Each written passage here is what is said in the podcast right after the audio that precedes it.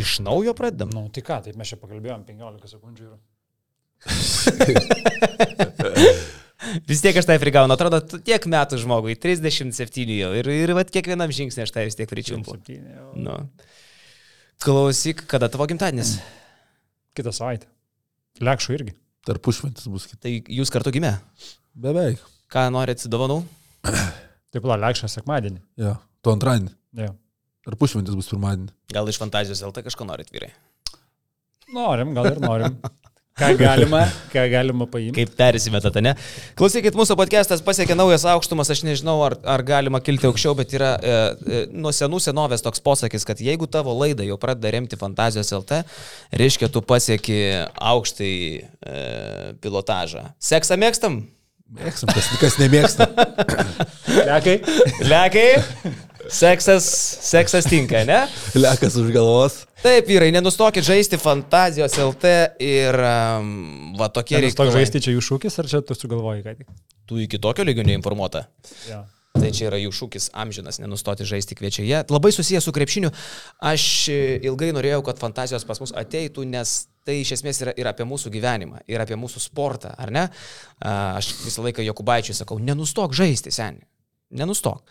Tai va, tai kas nesat lankėsi, pirmiausia, susitarkim dėl terminų. Kas nesat turėję sekso, čia kalba ne jums yra. Kol kas kalbėkim su labiau patyrusiais žmonėm, kurie jau pradėjo žaisti. Tai Fantazijos LT yra internetinė sekso prekių parduotuvė, kuri kviečia jūs išbandyti ir kitokius potyrius, ir kitokius malonumus. Ką tu dabar žiūri va čia? Gaukite 10 procentų nuolaidų, 14 žaidimų, žiūrėk, iš karto jie čia mane gaudo, supranti, kad tik pirkčiau. Jo. Iš karto. Tai nepaslaptis vyrukai, kad aš pats e, šiek tiek anksčiau pradėjau uh, fantazijų pasaulį. Anksčiau žaisti pradėjai. Taip, anksčiau pradėjau žaisti, šiaip, pak- šiaip nuo 14 aš jau at- atradau tą, tą kitą pusę. Ir pats neseniai, na, prieš kokius taip pusę metų maždaug, su fantazijom pradėjau kalbėtis apie tuos visus reikaliukus, ką jie ten turi, tai mes į savo gyvenimą šito jau esame įnešę. Tiek į savo paties asmeniškai, tiek į mūsų su gintarė kartu. Tai nežinau, kiek jūs tame esat e, praplaukę, bet e, kviečiu visus irgi e, pasidomėti Fantazijos LT interneto svetainėje, kokių dalykų yra. O mūsų podcast'e Fantazijos pakvietė į mini kovą. E, Mūsų tris. Čia yra ant stalo netgi ne mums dovana, nors žinau, kad akis išvertę abu du žiūrit, bet čia yra dovana e, tam, kuris bus kečiausias mūsų trikoviai. O trikovė yra tokia. Fantazijos LT interneto svetainėje yra trys nuolaidos kodai. Miklovas, pažiūrėkite į redaktorių, Leksas ir Karolis. Ir mes mėnesį laiko kalsimės, kurio nuolaidos kodas e, bus daugiau kartų panaudotas. Ir tam, kurio nuolaidos kodas bus daugiausiai kartų panaudotas, Leksas, Miklovas arba Karolis, atitenka štai šitas reikalas, kuriuo aš tave redaktoriau surišiu. Taip kaip ir išplaksiu. Ko tu nežiūri man į akis? Aš dabar apžinėjau, ką čia galima įsigyti. Nu ir kas užkliuvo už tavo akių? Pasirodo, net koinės galima nusipirkti. Aš galvoju, čia koinės, realiai koinės ir jos naudojamos kažkokiam tai kitam reikalui. E, nežinau, dėl kojinių nesu pirkęs. E, manau, kad ne, bet a, ką aš mėgstu panaudoti, va tarkim, kas man iš ten, okei, okay, tai aš alejukų turiu prisipirkęs visokių. Mhm. A, Gerai, dar yra toksai vienas irgi reikalas, e, aš nežinau, ar čia visai ta auditorija, bet jisai yra skirtas dėt ant birkos. Ir toksai galiukas ten kaip vibratoriukas kažkoks, jisai pusiau šikna, pusiau kiaušą masažuoja. Tai va šitas man, man labai. Masažuoja ar ir laižo pats? Laižo ne jisai. Bet galėtų, ne? Galėtų. Galėtų. Tai va, tai yra ir vyriškų, ir moteriškų reikalų.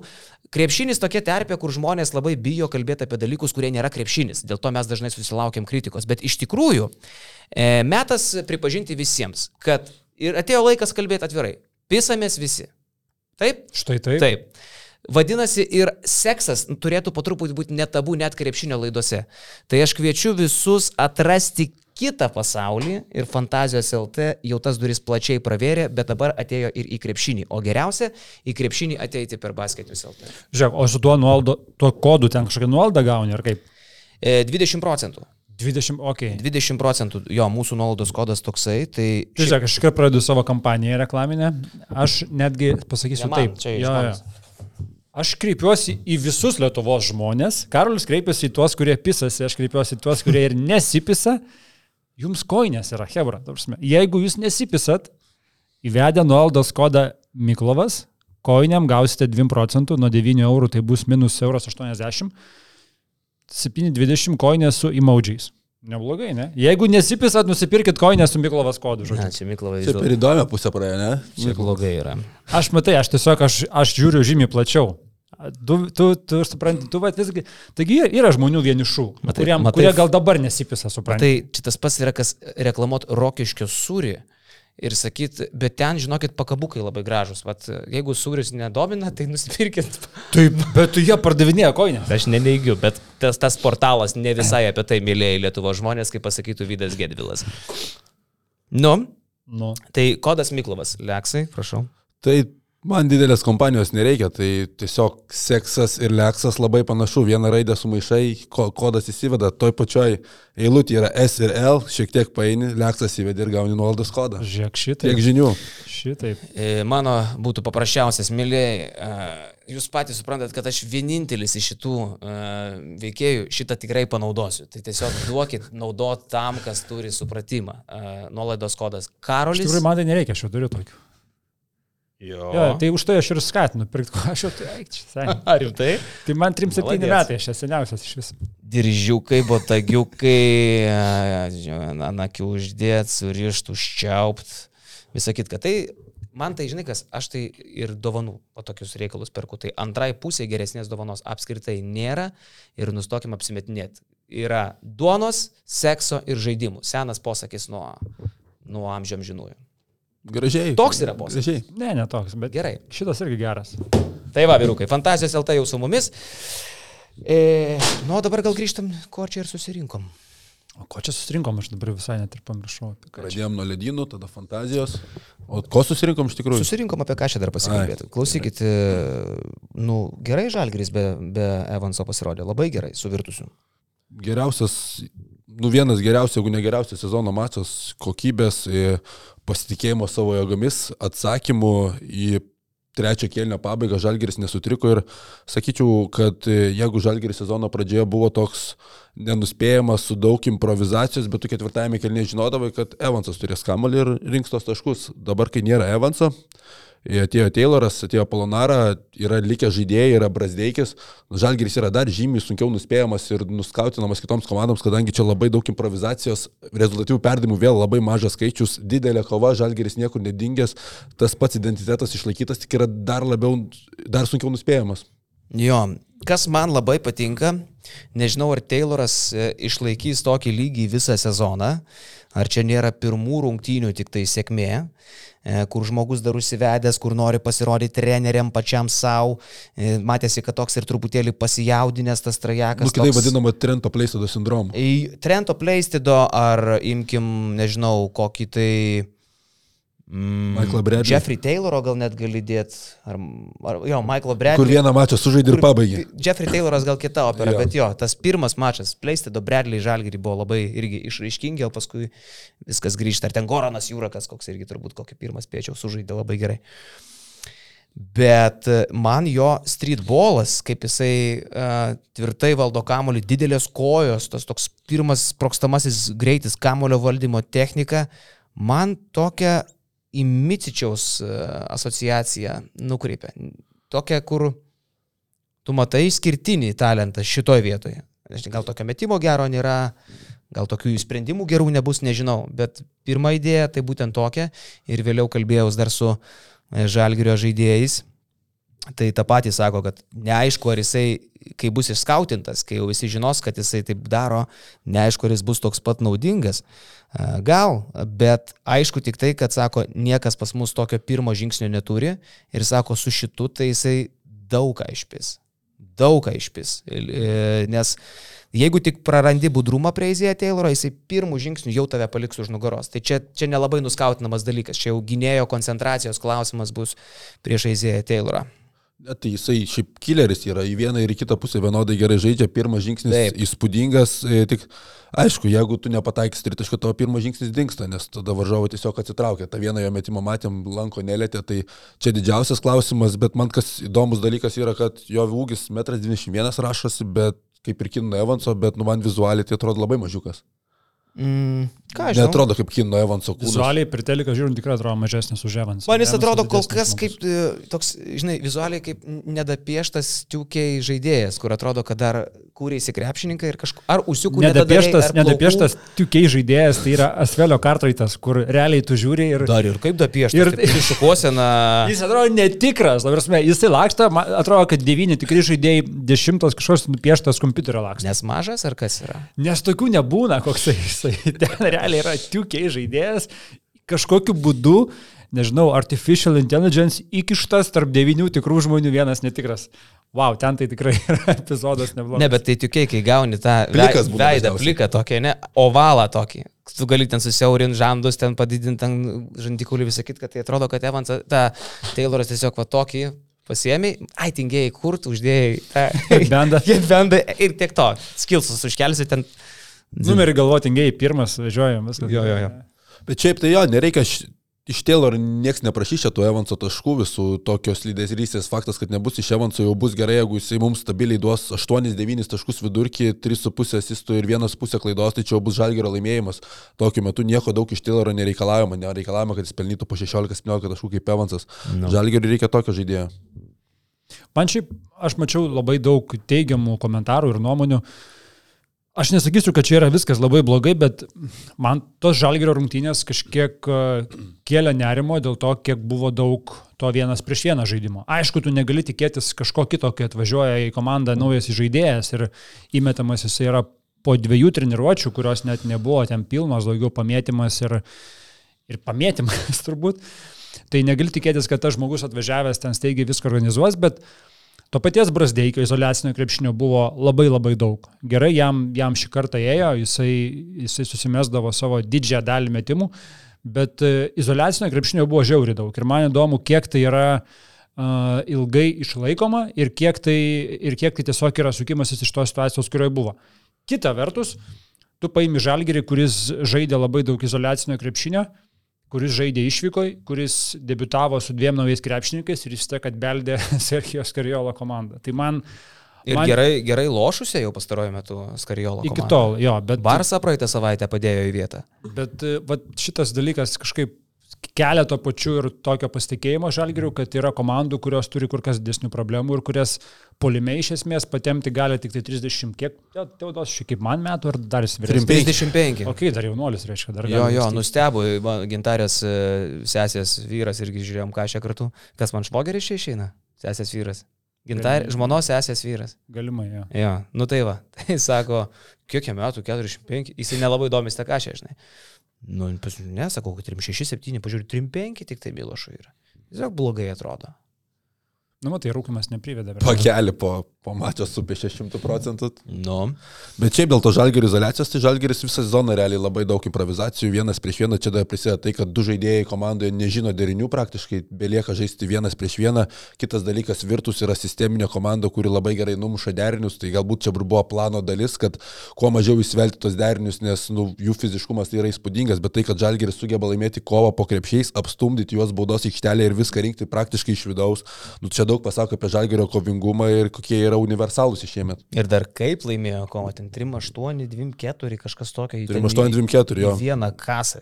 bele 11 kas. palime kamolių, jie 5 tik nusėmė su tokiais žaitėku, Mikiai, Šengelė, nu nieko panašaus ne- nedarė, ką jie gali daryti. Klausyk, bet Tayloras pats buvo nustebęs, kiek jam kaziukas daug atidavė. Visą ketvirtą kelnį be keitimų pražaidė. Uh, ne, nu, šiaip neįmanoma atrodė, kad taip galėtų atsitikti. Taip pat Tayloras irgi po rungtinių sakė, kad uh, tikėjausi, kad nedaug žaisiu šiandieną, žinai, ir tai būtų normalu, nes aš čia, ei, tik tai dabar atvažiavau, bet staiga žmogus įmestas į pelkę tam rungtinių sprendėjų.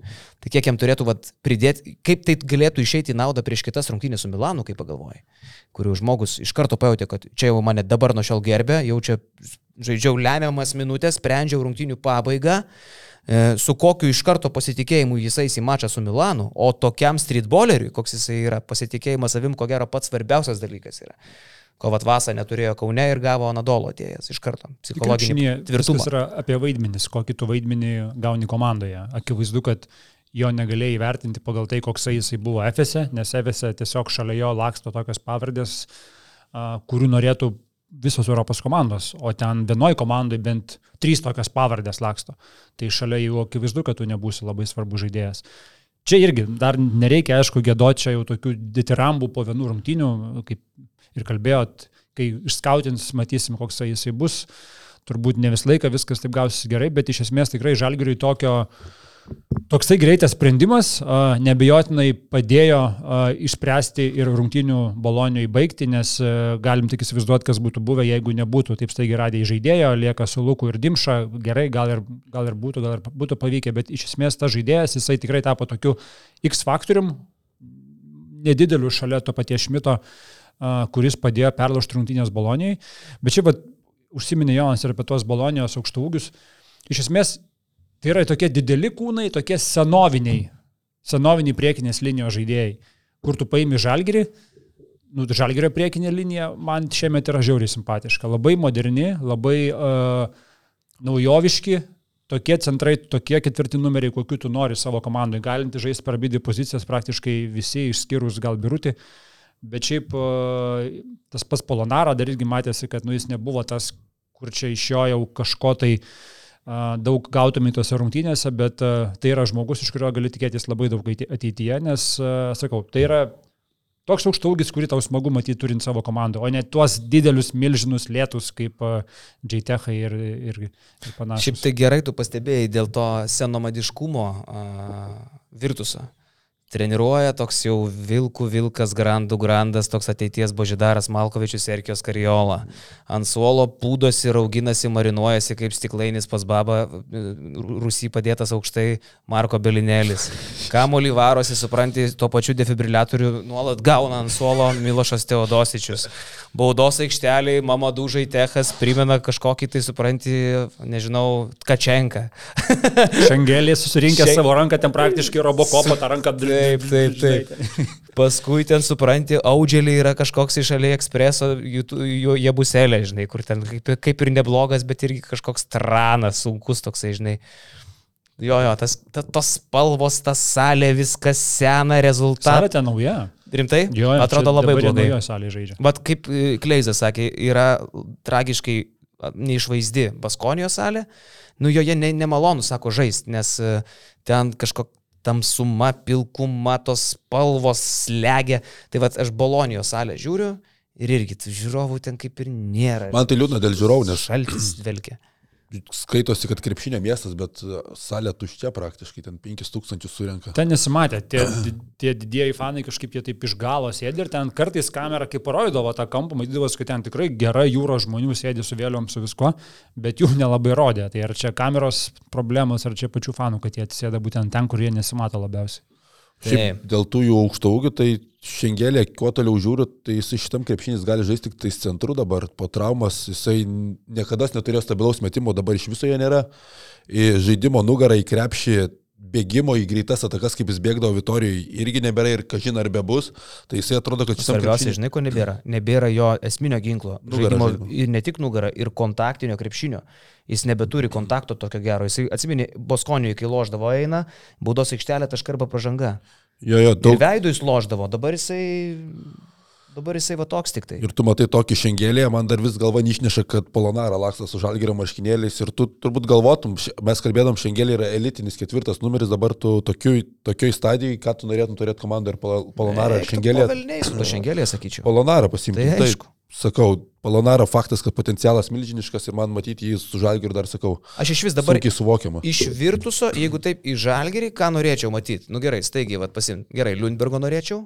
Oi, ne. Aš Norėčiau, norėčiau Lundbergo. Padarytų kaziukas iš šio žaidėjo. Labiausiai pervertintas Europos žaidėjas Liumbergas. Aš nesuprantu, apie ką jis. Nu, apie, ap, ne, jis geras, seniai, jis Labiausiai geras pervertintas krepšininkas. Europos žaidėjas. Man irgi jis nepatinka, žinok. Nežinau, manau, kad Kaziukas padarytų iš jo ir metimą turi, ir, ir veržės gerai, ir greitas žaidėjas. Supranti, nu, ir apie tai, kaip tau Ir leidžia. dar kokius pinigus jisai gauna. Nu, tai taip, taip. Jeigu tai būtų ten 100 PM 200 tūkstančių žaidėjas. Ei, mes Lukošiūnui Okay, okay, daugiau šaibų mokam. 100 PM 200. Nu, tai, bet tokiai, bet sakau, kiek jis uždirba, ten kokį milijoną nu, uždirbinėja. tai taip. Nu, tai, Tai porą ir- šimtų tūkstančių gal. Žiauriai pervertinta Ir žaidėjas. Polonarai už kitą sezoną girdėjau, už šitą, o kitą sezoną būtų milijoną gavęs virtuose. Mm. Tai va toks bičias. Prie Lundbergo kontrakto porą šimtų tūkstančių galėtų atsekti Darius Koliūnui, kuris parodė Europai, kas yra Lundbergas. Realiai. Nu, Nes nuo tų rungtynių jo viršų pradėjo kiltą karjerą. taip, taip, taip. O apie Žalgirį dar jeigu pratęsiant, tai šiaip relik nuo Brasdeikos, smagu, aš nesu linkęs patikėti jo, kad jis gali būti tokiu stabiliu žaidėju, bet dabar antras rungtynės pailiu ir sakyčiau, kad mačas Balonijoje buvo net ir jam geriausias asmeniškai. Eurolygoje irgi labai užtikrintai nuo pat pradžių pradėjo, į, į kairę pusę prasiveržė, po to ir atsirado ir metimas iš vidutinio nuotolio, pataikė, pataikė mm. vieną ir tritaškį, tai gynyboje irgi taip neplaukėjo, tai atrodo, kad pasitikėjimą irgi įgavęs dabar iškritus Evansui. Aš turiu, žinok, tris paaiškinimus. Lengviausia pasakyti, kad įgavo pasitikėjimą e, iškritus Evansui. Bet aš dar galvoju, kad gali būti, kad iš tikrųjų po truputį, nes jau jo iš esmės dvi su pusė gerų rungtynių buvo ir LKL, jis ten neblogai sujudėjo, man atrodo, tame tarpe, ne? E, taip. Taip, aš galvoju, kad gali būti, kad COVID-ukas išsivadėjo iki galo, nes e, sakė, kad jam buvo labai sudėtingas COVID ir, ir jo minutės, kai jis grįžo į aikštelę, irgi buvo sutrumpėjusios dėl to, nes gal neatsikvepuoja bičias, jis nepamirškim, kad buvo iškritęs tai ilgai. E, Antras paaiškinimas tai yra tas, kuriuo aš irgi norėčiau labiau gal tikėt, arba tai galėtų būti sudėtinė dalis, kad iškritus Evansui jis tiesiog nebeturi, e, kaip atvažiavęs su lyderio mentalitetu, nebeturi to, kuris už jį akivaizdžiai geresnis ir slėgis nukrito, kad jis žino, kad dabar tai aš pagrindinis esu. Jo, o trečias paaiškinimas, kad šiaip bičias suma sumarum ilgoji distancijai susitvarko savo psichologinės bėdas galbūt. Ir ar prie Evanso, ar be Evanso, tai šiaip ar taip po truputį būtų jau gerėja, nes jis buvo pasiekęs tam tikrą dugną.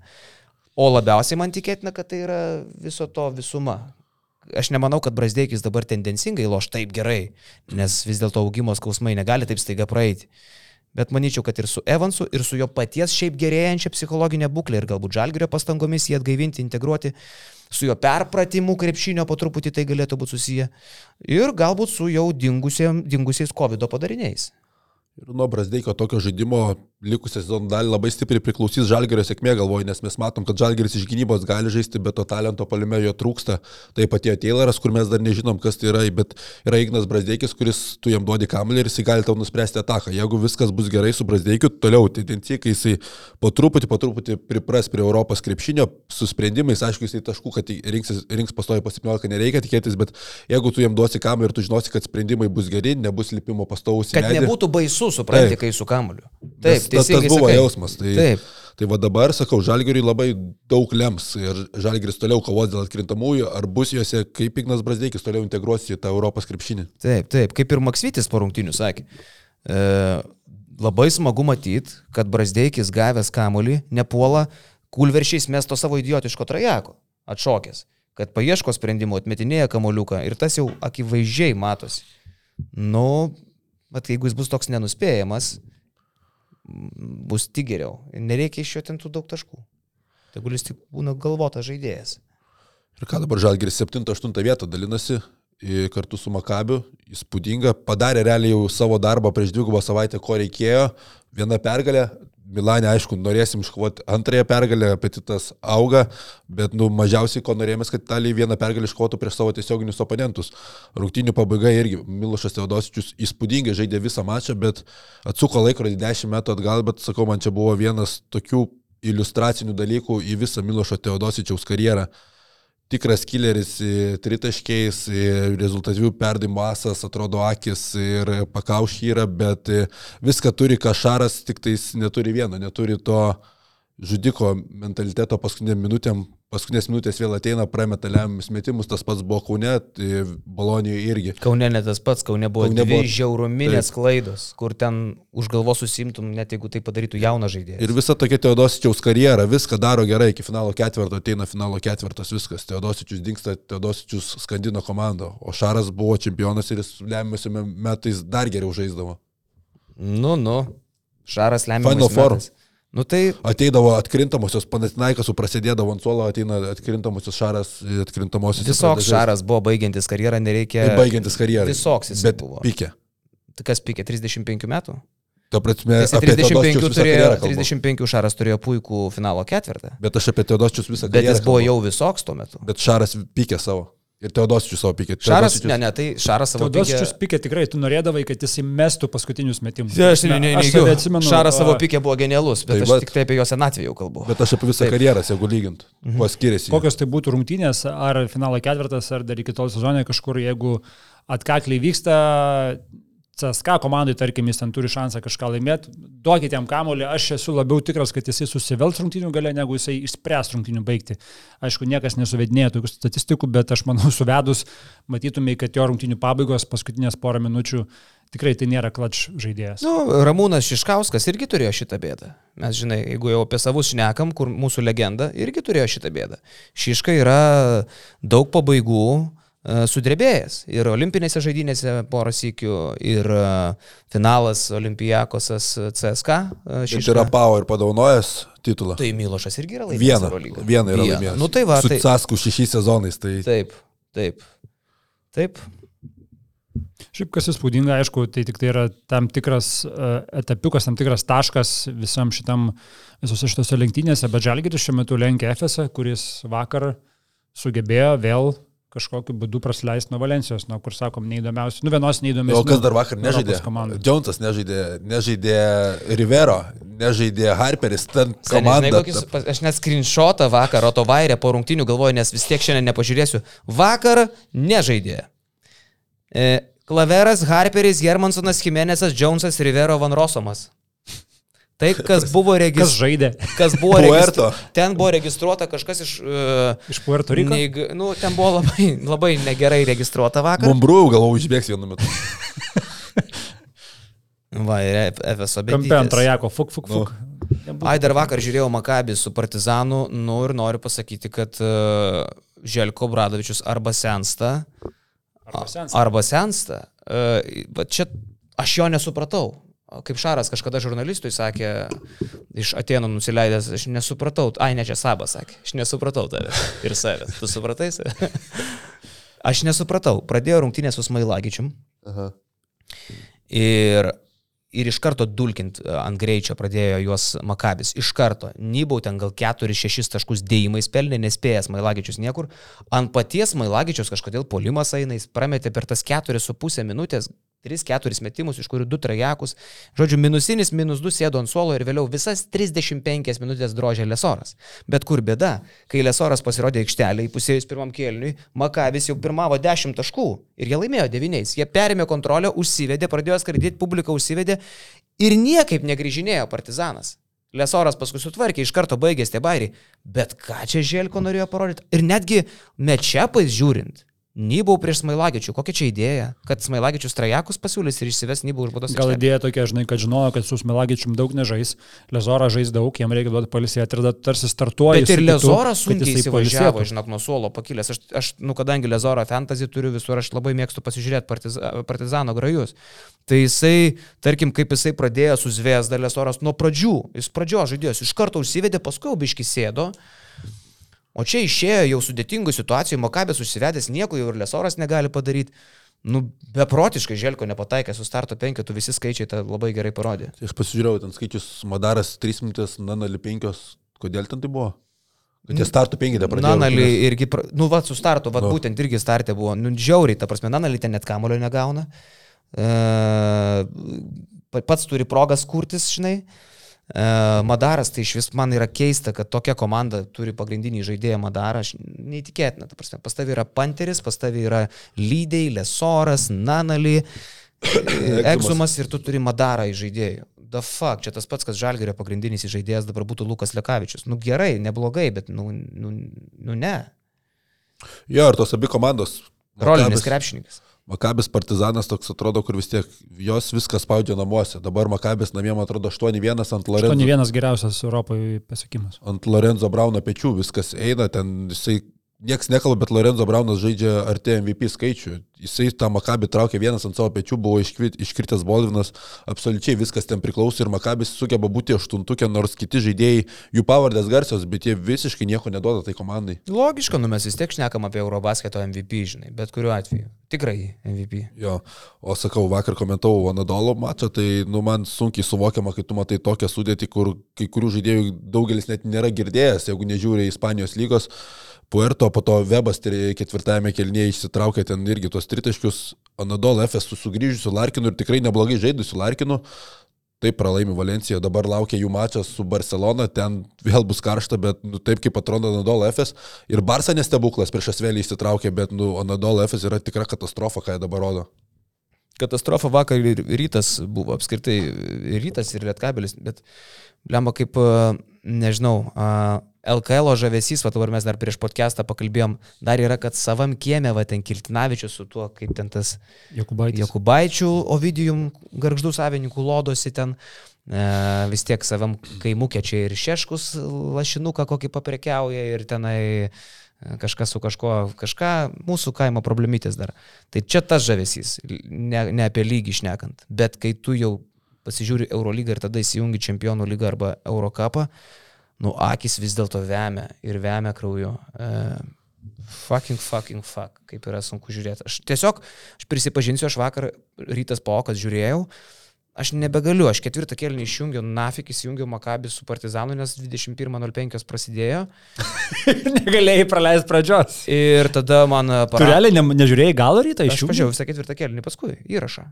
Bet tiesiogiai nežiūrėjai? Nežiūrėjau, man neįdomu, man visiškai neveža, ta prasme, nuoširdžiai nestovi, nu neįmanoma. Šiaip Epinis žiūrėt. išvaistimas, epinis išvaistimas. Dešimt taškų tu turi ketvirto kelnio vidury, staiga tu jų nebeturi, staiga uh, greitojo atako, jų likus pusė minutės, varadį sugalvoja, kad jis yra tas žmogus, kuris dabar čia šveis trajeką, kur tu... Kitoj pusėje, nu, o Jezu, paskutinės minutės tai buvo kažkokia tragedija absoliuti. Daug norinčių būti herojais, Fosteris apdainuotas e, 31 taškas iki tol, sumeta viską žmonėms į veidus, loja kažką, už tai gauna techninę, žodžiu, herojus. Bet, Paskutinės porą minučių vėl jo nebėra, vėl jisai ne- nepataiko vieno, antro svarbaus metimo. Aišku, nepataikyti gali. Pavargo žinai, žmogus, bet seniai, tai jisai... Pavargo, Aš, bet- aš vis tiek mačiau tas rungtynės visas galiausiai, tai jisai ir jo dėka išlipo rytas iš to minus 10, kai ten tre- trečiam kėlinį buvo. Tai jisai ir traukė tą komandą, bet e, aš man, vat, kas man labiausiai Europoje nepatinka, aš nežinau, ar čia ir Amerikoje gal taip yra. Tas emocijų įrodymas būtinai turi būti techninė pažanga. Kokia ten techninė, tai aš nesupratau. Nu, jūs ten žiūrovom, tipo, bet... tai- Žiūrovom, tu ten kažką tai. Fuck, čia kaip, nesąmonė. kaip gadinamas krepšinis. Ir jau Aleksandраvičius irgi komentuoja, nu, nereikėtų čia pūst raumenų, nes ten Fosteris į baudos aikštelį galingai sužaidė ir tipo rodo raumenis. Nereikėtų pūst. Kas nereikėtų? Kodėl? Kodėl daroma iš krepšinio kažkokia, tai supranti, graštų varštų gamykla?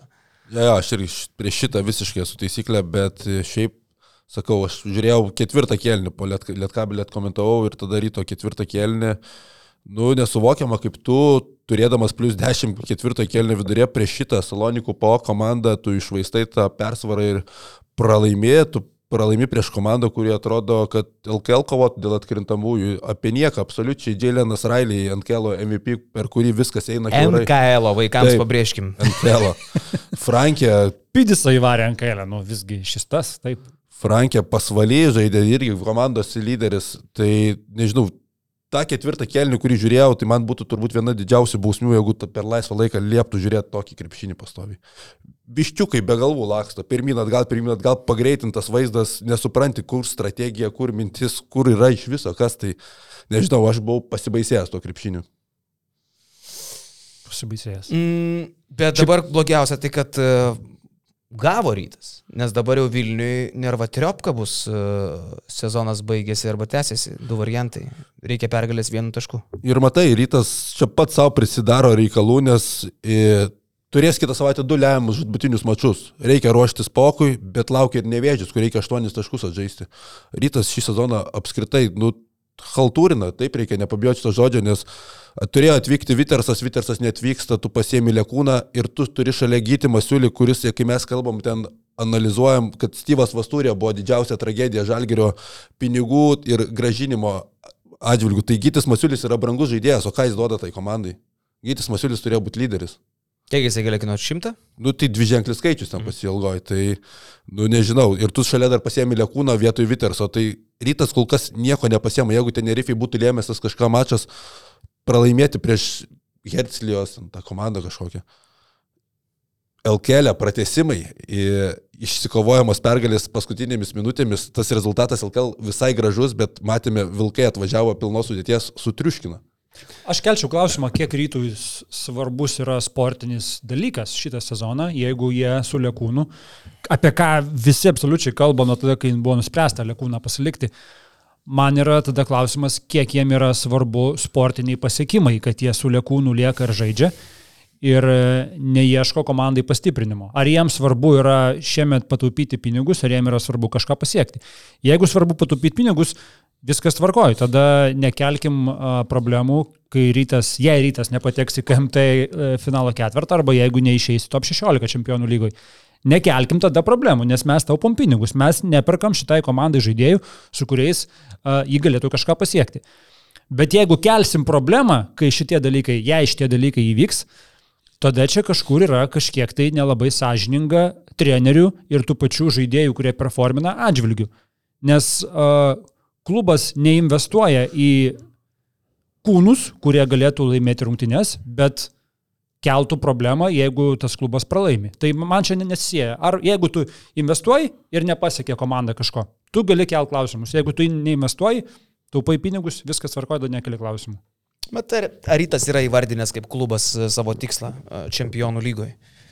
Aš galvoju, nepatikimas į KMT finalo ketvirtą tokiam klubui būtų labai didelis. Bet Jonai nepatekimas į KMT finalo ketvirtą ar su Lekūnu ar be Lekūno, čia neklausimas. Ta prasme, jeigu komanda nepatenka į KMT finalo ketvirtą, Gėdrius Žibėnas privalo atsistatydinti. Tai yra didžiausias nuopolis klubo istorijoje. Pralaimėjai nevėžiui.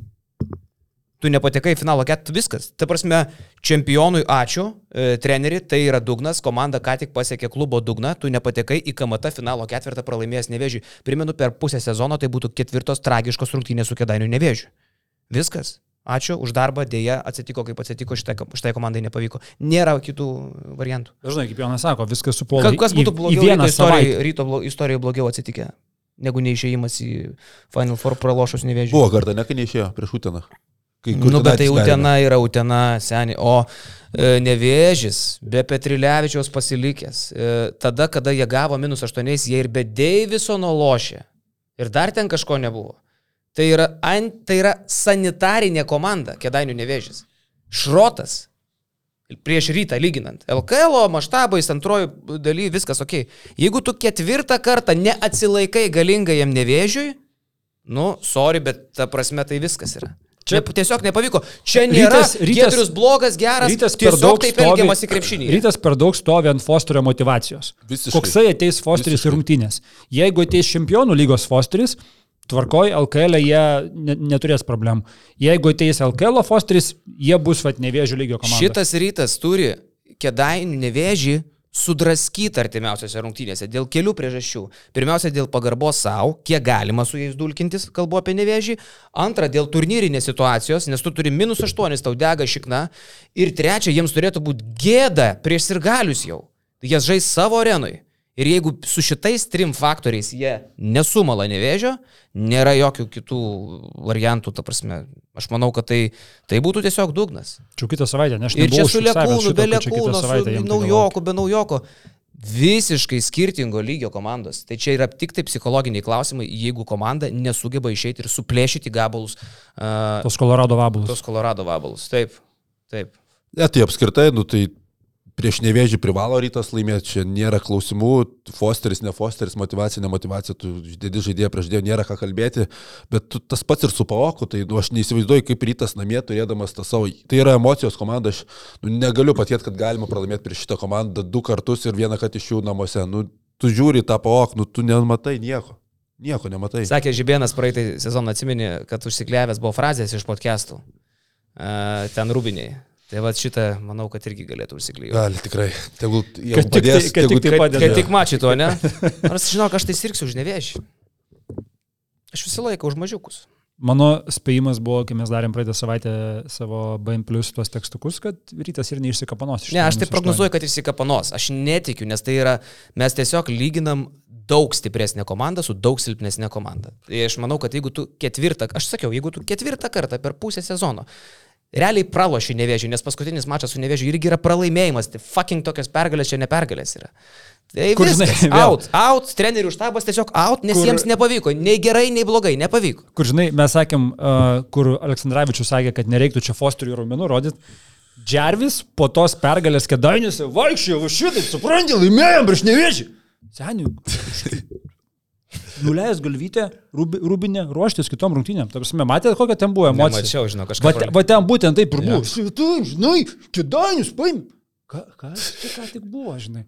Tai trupučiuką kažkiek, bet kaip sakai, tai buvo pralaimėjimas, nors laimėjo. Bent jau to vieno grepšininko galvoj, tai buvo didžiulė, didžiulė pergalė. Okay. Tu žinai, tu matai tą rytą, rytas privalo išsikapanoti prieš kadais, bet tu matai, kaip tas rytas žaidžia vienas rungtynės taip ir kitas taip, nu tu nesi užtikrintas. Kaip mes kalbėjom, kad norim būti Ignu Brasdeikų užtikrinti, kad jis taip žais, irgi kol kas taip nėra. Tai... Ne, ne, ne, ne, nėra. Nėra. nėra. nėra. Jo, vyriumbai. Dar apie Lietkabeliuką vakar pralaimėjimas Prometėjai. Nu, Lietkabelis irgi straglina, irgi silpnokai šį sezoną atrodo, bet kažkaip iš Lietkabelio ar tų tokių reikalavimų natūraliai turbūt istoriškai susiklosti, kad nėra, ne? Nors man keista, jau kaip ir turėtume priprasti. Bet matai, biški Lietkabelio yra labiau vartotinas krepšinis e, negu ryto kai rytas emocijų, taip, viskas labai gražu, viskas smagu, visi ploja, visi patenkinti, bet kai rytoj neina, rytoj emocijos nėra, tai tas krepšinis nevartotinas, pas lietkabelį tu visada matai kažkokią mintį krepšinėje. Taip, tie metimai nekrenta, klasės žaidėjų trūksta, jie nesumeta, bet jie padaro dešimt klaidų, jie žino, kada padaryti pražangą, jie žino, kada kokią sistemą pakeisti. Tas Čanoko įdirbis vis tiek jisai matosi, jam gal trūksta tik tais įrankių, nėra vėl Želko Šakyčius ir Murausko nebuvo, tai ketvirta pozicija visiškai laisva tas Laboženskis komanda bolerių prisirinkus e, bėk ir mes, bet žaidžia turbūt vieną gražesnių krepšinių Europos taurėje. Ginsburgas labai geras strategas, tai čia... Ledže, legendinis. Taip, turbūt labiausiai patyręs Europos taurės treneris šį sezoną, tai sakyčiau, kad čia tas pralaimėjimas jis daugiau mažiau ir buvo planuotas, vien matant, e, kokią sudėtį išstatė Lietkabelis tą vakarą ir tai, kad turi prometėjtas klavelas 29 metų Puerto Rikėtis, atrodo, kad gali net kitą sezoną kažkur įkilti ir aukštesnį lygį, gal kažkur prie Eurolygos, tikrai rimtas krepšininkas Dominikas Stefensas kaip kyla, nu, ta prasme, turbūt atletiškiausias žaidėjas Europoje šiuo metu, bent jau Europos turėjo, o Šiaip sakau, Lietkabelis dabar yra 8 vietoje Europos turėje, ten viskas labai mažai skiriasi, jų grupėje dvi pergalės nuo trečios vietos skiria, iki vakar buvo viena pergalė, tu iškovoji gali į trečią vietą pakilti, tai viskas labai slidu, bet Lietkabeliui reikia kūno, čia Šakyčius vakar darė apšilimą, bet nežaidė. Pirks jie kažką ar ne? Nežinau šitą, bet Šakyčiaus nėra, Murauskas nežaidė dėl šeimininių priežasčių, Džemelas Morisas 15 taškų, vienas naudingumo balas, tiesiog trūksta, trūksta kūnų trūksta patikimų žaidėjų. Tai čia tokia yra Lietkabelio problema. Daugiau tiek turbūt.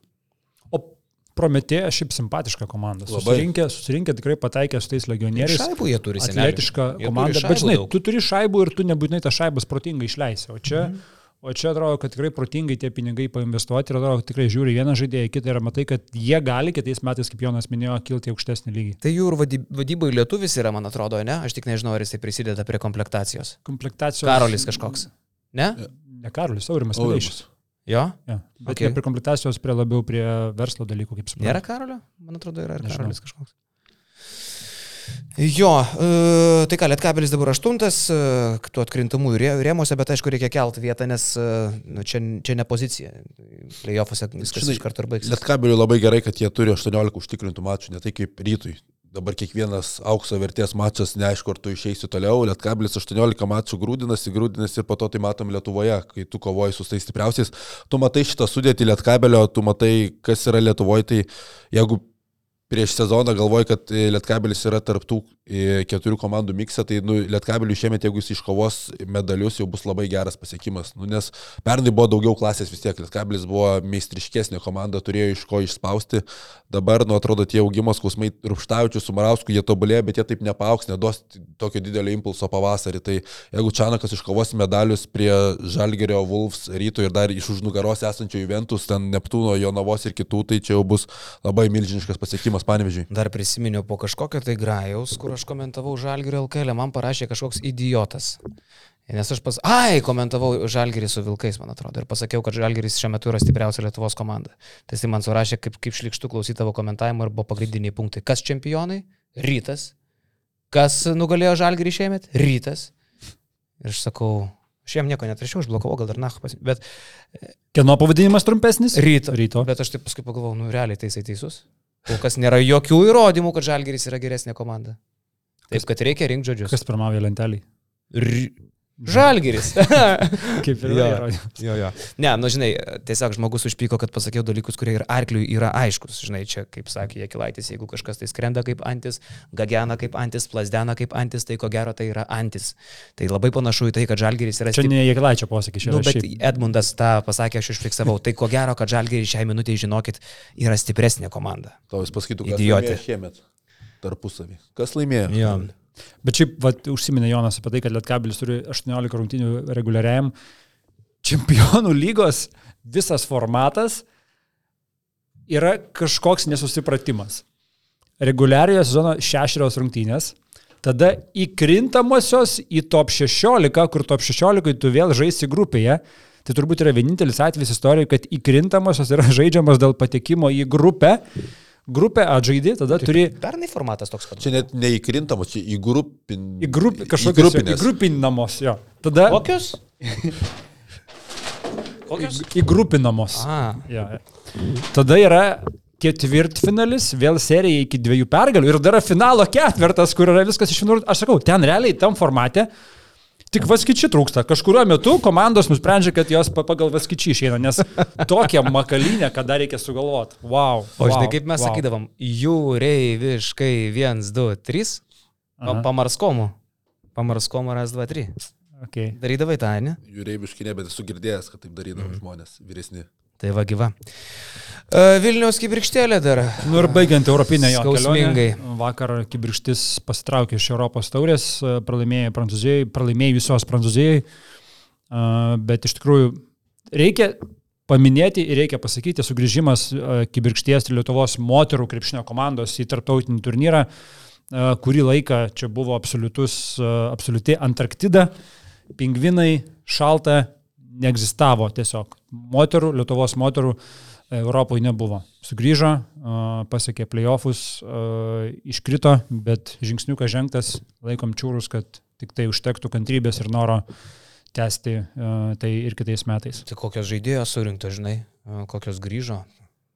Gražu gaila, kad nenuėjau šį sezoną ne kartą. Turėjau tokių minčių visą laiką, bet vis Tu darbai. daugiau gal naudos davai kalbėdamas ir žadėdamas, kad nueisi. Taip, taip. Tavo jau toks visgi svoris, supranti, kad jau vien tu pažadėjęs, kad tu nueisi, manau, tu duodi kibirkščiai naudos. Kibirkštės atnešiau į...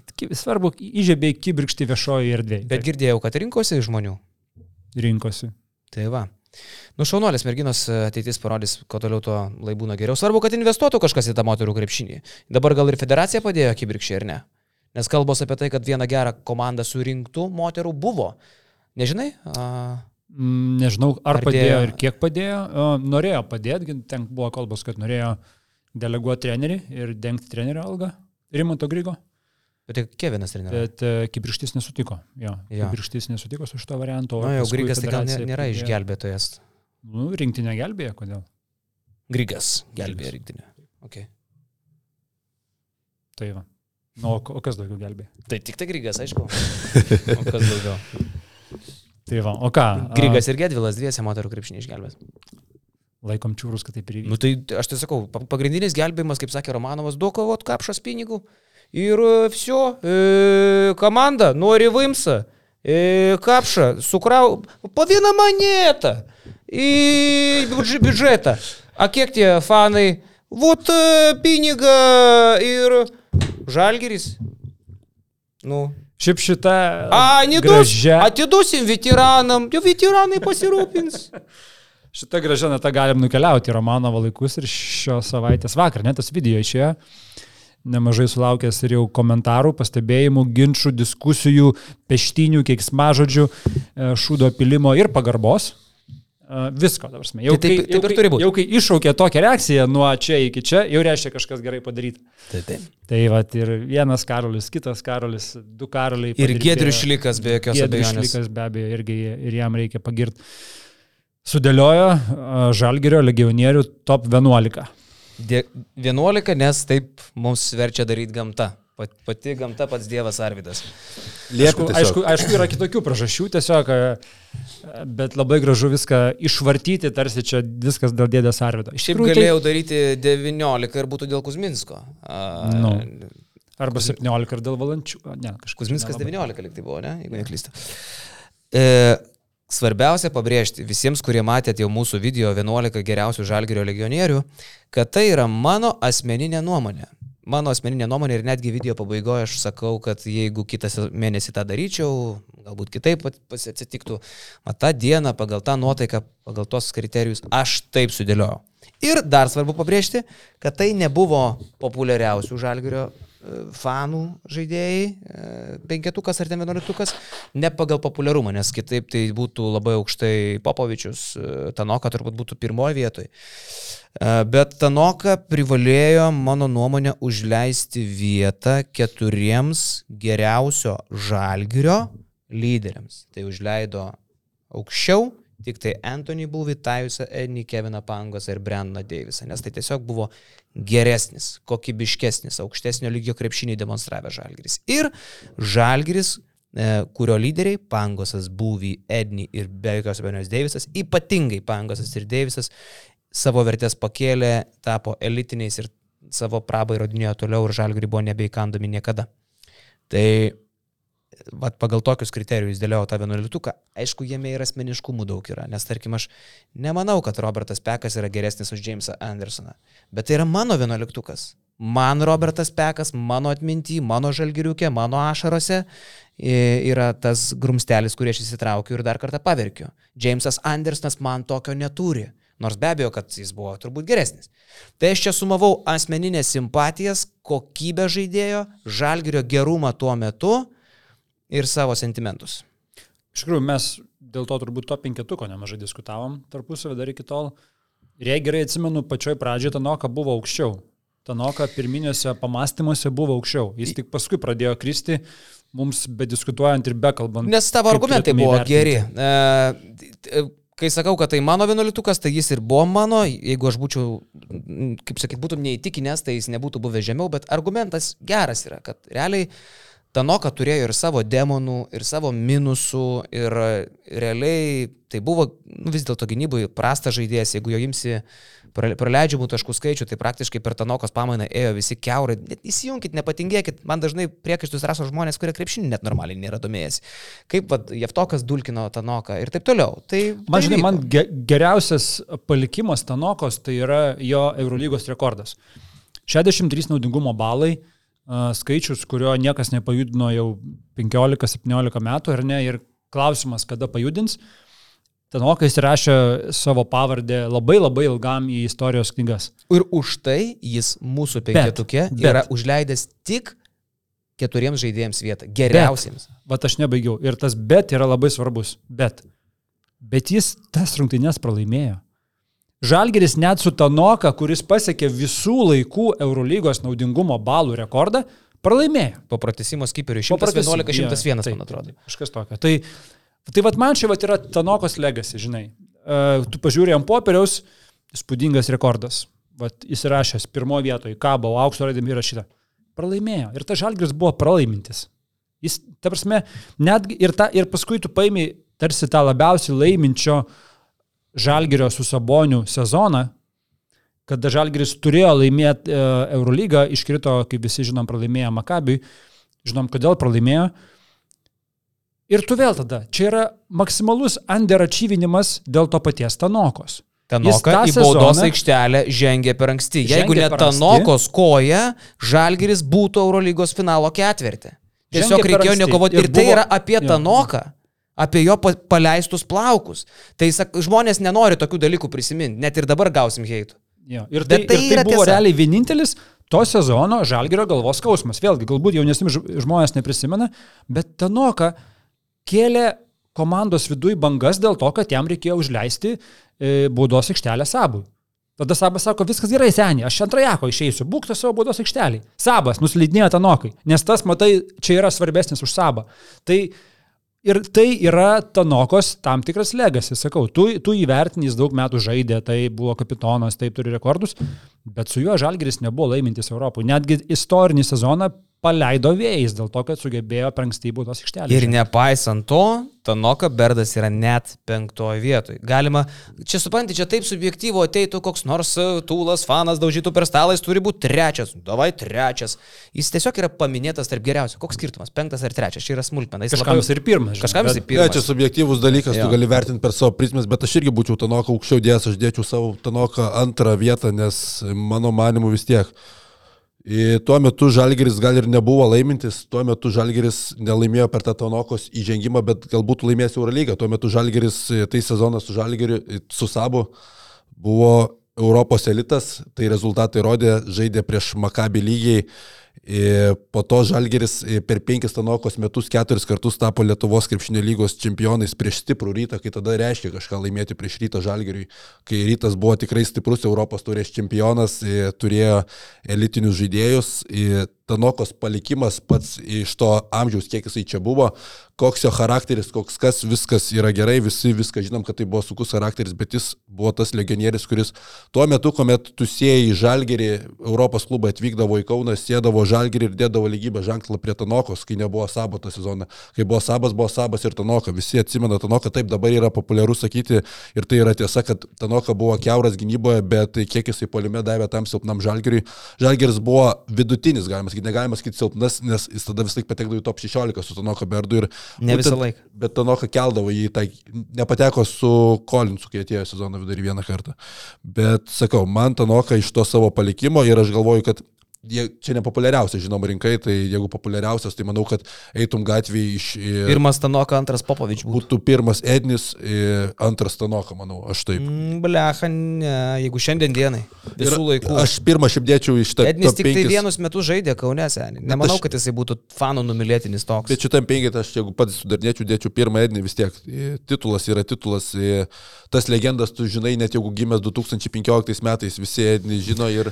Nesutinku, aš... Ednis net nebuvo geriausias finalo žaidėjas. Ednis nebuvo net geriausias to O sezono. gerai, žaidėjas. kodėl Deivisas pirmo vietoj tada? Todėl, kad tai buvo, geria, tai buvo geresnis žalgeris už tą, kuris laimėjo. Deivisas nebūtų... Su tokiu sezonai pailiui prie jo. Žiūrėk, Kada Žalgiris laimėjo- Žalgeris, kaip jis žaidė reguliariam sezonui, nebūtų niekur išėjęs. Koks buvo Deivisas reguliariam sezonui, mes kai pasirašė sutartį naują, sakydom, mąstėm, ar čia geras sprendimas Žalgerio, nes Deivisas pradėjo žaisti nuo playoffų. Bet toks Deivisas toksai buvo su.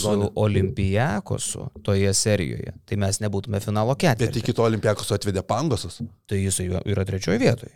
Aš Deivisą pirmo vietą O Du koks sezonas Deivisas buvo kitą sezoną žalgeryje? Koks jis buvo kitą sezoną? Tai buvo absoliučiai geriausias savo pozicijos žaidėjas Eurolygui, tą parodė jo patekimas į Eurolygos simbolinį penketą. Žalgeris tokio Pirmas legionierius. simbolinį penketą. Pirmą. Pirmą. Žalgeris tokio legionierius neturėjęs. Tai Taip. jau, jau jo lygį nustato. Tai, kad Deivisas buvo unikalus ir yra unikalus tiek polime, tiek gynyboje, tai irgi nustato jo aukštą poziciją mano reitingė. Ir tai, kad Deivisas vėliau buvo įvertintas pusantro lemo, tai čia nei Tanoka, nei niekas kitas, net arti tokių pasiūlymų nebuvo tais laikais, tai irgi daug ką pasako. Jeigu Tanoka buvo geresnis už Deivisą, kodėl jis negavo tokio kontrakto? Jo nieks tiek nesiūlė. Bet tai jeigu tu pinigų. žiūri, dar kas vėliau buvo, tai tu ir Micičių tada dedi to penkis. Ne, ne, ne, ne, tai bet jisai iš karto į Žalgirio gavo tokį kontraktą. Ne, Micičius negavo tokio kontrakto, tokio dydžio kontrakto. Janadol Efes. Nu, negavo tiek pinigų, nebuvo tiek, dabar tai jis jau toksai yra, jis pačiam Anadolui įsiaugino tą kainą. Bet jeigu Tanoka buvo toks geras, toks geriausias, tai kodėl jo niekas šešis metus nepasėmė iš Žalgirio? Jisai atėjo iš Realo. Aš žinau, nu, bet seniai, bet iš Bet visai jis kokio, kiti kokio lygio žaidėjas jis atėjo? Jisai- Kodėl jis neišbuvo nei vienas? Dėl charakterio. Tai va būtent. Tai charakteris, bet ir Kaune jis tą charakterį rodė. lygis. Ir Kaune jis tą charakterį rodė. Ir buvo su jo problemų. Ir Plūkas apie tai kalbėjo. Buvo problemų, taip, bet jo lygis tuo metu, krepšinis nuo to laiko keitėsi. Bet kodėl niekas buvo didžiausia spinta Kaip Europos. Žalgeris jį išlaikė? Kodėl jo niekas neėmė? Charakteris, sakau. Žalgeris sugebėjo susitvarkyti su tuo, su, su demonais Tanokos, bet tuo metu jisai buvo. Tuo metu jisai buvo top 2, top 3 centras Europoje, Tanokas su savo spinta. kaip Dėl to ateidavo. jisai mano reitingė taip aukštai. Atsiminkim, koks treneris buvo Antanas Reika, kuris, aš manau, užsimerkdavo, negirdėdavo, ar apsimesdavo, kad negirdi kažko, ar apsimesdavo, kad nesupranta, ką ta noka bumbėdavo panosį. Ką ėmi, va, tiesiog objektyviai, Deivisą ir Tanoką Berdą į Žalgirį. Kuriais laikais? Nu, geriausia Berdo versija prieš geriausią Deiviso versiją. Šiais laikais aš imčiau Deivisą, bet Nu, jeigu tai tais reik- laikais, kur Tanoka buvo, kai buvo viskas apie palimą, visos komandos rinkdavo virš 80 taškų vidurkio, aš imu Tanoką. Ta prasme, tai gynybos nereikėjo anais laikais. Tais laikais, kai žaidė, pažiūrėk, kiek taškų visi sumesdavo. Šaras sako, aš sumesdavau po 30 Tai taškų, tu bet galvoji, kad Deivisas tais laikais nebūtų rinkęs daugiau už Tanoką su savo Su sugebėjimu? Nebūtų. šituo Deivisu, Tu jokauji? su šituo. Deivisu 24 prasme, jisai metais prieš Žalgiris 18 būtų taškų rinko, sezoną mes rinko dabar 18 galime taškų. kaip Deivisas. Jo statistika buvo tokia, kokia Tanokos praktiškai. Tais laikais, kai visi rinko tai idiotiškus skaičius, Deiviso skaičiai buvo tokie šiais laikais. Praktiškai. Praktiškai. Nu, tai ten du, Ta vienas, prasme, du balai. Tanoka buvo dublis po dublio. Dublis po dublio. Tai Deivisas panašius skaičius fiksavo tais laik, šitais laikais. Antrą Tai, sezoną. tai, nu, tai antrą, ar koks skirtumas kelinta. Tai faktas, kad... Na nu, tai gerai, vyko. tai tu turi savo nuomonę, aš turiu subjektyvus dalykas. Aš Nu, sakau, nu. aš Tanoką dedu anksčiau aukščiau. Tai va, tai čia... Tanoka yra- turėjo tikrai unikalią savybę susirinkti kamuliukus. Tai prasme, pirmas sezonas, pirmi du sezonai, kai Tanoka buvo labai geros formos, aš puikiai atsimenu, koks iš- išsižiojęs sporto halį žiūrėdavau Tanoką, į Tanoką, kaip jisai sugeba atsidurti ir reikiamoj vietoj, ir pašokti taip aukštai, kad tuos kamuliukus rinktis, dėl to tie dvigubi dubliai pas jį ir būdavo. Bet Aš sakyčiau irgi, įmesk Tanoką, į treč- į- įmesk Deivisą į 2-3-4 metų žalgerį, Bus ta žalgeris tampa Eurolygos čempionu. Nesustabdomas dominuojantis centras būtų tais Mes laikais. 2017-2018 sezoną pirmiausiai mes, kai kalbame, mes kalbame ne apie kažkokius žaidėjus, mes kalbame apie Šarą. Ta laikotarpį mes atsimam kaip Tanokos laikotarpį. Ir apie Ednį irgi 99 metų sezoną mes kalbame ne apie treninį, mes kalbame apie žaidėją, apie Šaro tą laikotarpį, kalbame pradžioje apie Šarą, ne apie žaidėją. Tai čia daug ką pasako. Ne, tai jo didžiausias Tanokos nuopelnas, kad jisai daug metų žaidė Žalgiryje. Tai yra taip. Antras jo nuopelnas, kad jisai žaidė labai gerai. Tai yra taip. Bet e, tai dėl to tai yra epocha žaidėjo, nes jisai tiesiog ilgai žaidė. E, Tai jeigu Deivisas Žalgirį žaistų iki šios dienos, tai būtų jau tiek pat, kiek Tanoka praktiškai pralošęs, tai mes sakytume, kad tai yra Deiviso epocha. Tai aš, aš turėjau šiek tiek ir atsiriboti nuo emocijų čia, aš turėjau paimti žmonės iš objektyviai stipriausio žalgrio. Tai aš paėmiau 18, 19, e, 17, 18 ir 98, 99. Nes, nu, aš tiesiog paklausiau savęs, va aš imu, tais laikais, esu Gediminas Navikauskas, aš imu Tanoką Berdą arba tokios kokybės Brendoną Deivisą. Nu, tu supaprastink jo krepšinį, pritaikyk tiems laikams, bet va tokio, tokios kvalifikacijos žaidėja. Nu, tai žinoma, kad aš imu Brendoną Deivisą su, visais, su visom charakterio savybėm, su visais įgūdžiais polime ir gynybai. Faktas. Ir aš atsakiau iš savo šitą klausimą, man, man viskas aišku. Bet tuo pat metu tai atiduota duoklė ir pasiekimams. Nes aš 17-18 žalgerio pasiekimą dedu į vieną lentyną su 98-99, suprantu, kad titulas, suprantu, kad skamba labai keistai, bet tas pasiekimas yra prieš jau žymiai turtingesnius varžovus. Plūkas čia sėdėdamas pats pasakė, nebuvo tokie kosminiai skirtumai pinigais 98-99, kokie yra dabar. Ir taškas. Nebuvo tas kinderis toks stiprus. Šitą labai svarbu pasakyti. Jis nebuvo nenugalimas, kaip dabar atrodo Madrido realai, Fenerbakčės, Saskai, fucking ir taip toliau. Jis buvo žvėriškai stiprus, bet tais laikais dar buvo įmanoma tokius fokusus daryti. Yra ta Eurolyga ir Džiaventutė, ir Želesniko FMP, ir Partizanai laimėjo tais laikais, ir šiek tiek anksčiau ir vėliau. Dabar tai nebeįmanoma. Ir šitas žalgeris nuėjo iki finalo ketvirtų ir buvo per pergalę realiai nuo finalo. Nu, tai... O kitą visą sezoną Deivisas tempė tą komandą ant savo pečių, ištempė į playoffus, pirma simbolinė komanda Eurolygos. Man irgi, aš kažkaip, man, aš labiausiai gal vertinu būtent tai, kad Žalgeris su Deivisu du metus pailių žaidė playoffuose. Man šitas, šitas yra kur kas didesnis legacy žaidėjo. Taip, buvo Šaras, bet iš esmės tu netgi paimi pasikeitė į žaidėją, ne? Į finalo ketvirtą pateko su Pangusu, kiti metai į playoffus su Waltersu, bet Antri metai buvo Deiviso metai, absoliučiai Deiviso metai. Ir ta komanda, kur vėl jinai buvo turinti įrodinėti viską iš naujo, jinai vėl buvo playoffuose. O šiaip tai, žinok, man, jeigu man širdis sakytų, širdis visiškai tipo, atmesk bet ką, tai man Marko Popovič. Tai ir Braunas Viskas būtų aukščiau. sudėjus, sentimentus, malonumą, žinai, visą kitką. Braunas ko gero būtų aukščiau. Bet Jo. čia, žinok, šito vienuoliktuko tikslas tai nėra pasakyti, kuris geresnis. Šito vienuoliktuko tikslas yra priminti geriausius. Tai aš tai Ir suprantu. 11 Ir skatinti diskusiją. Ir skatinti diskusiją, aišku.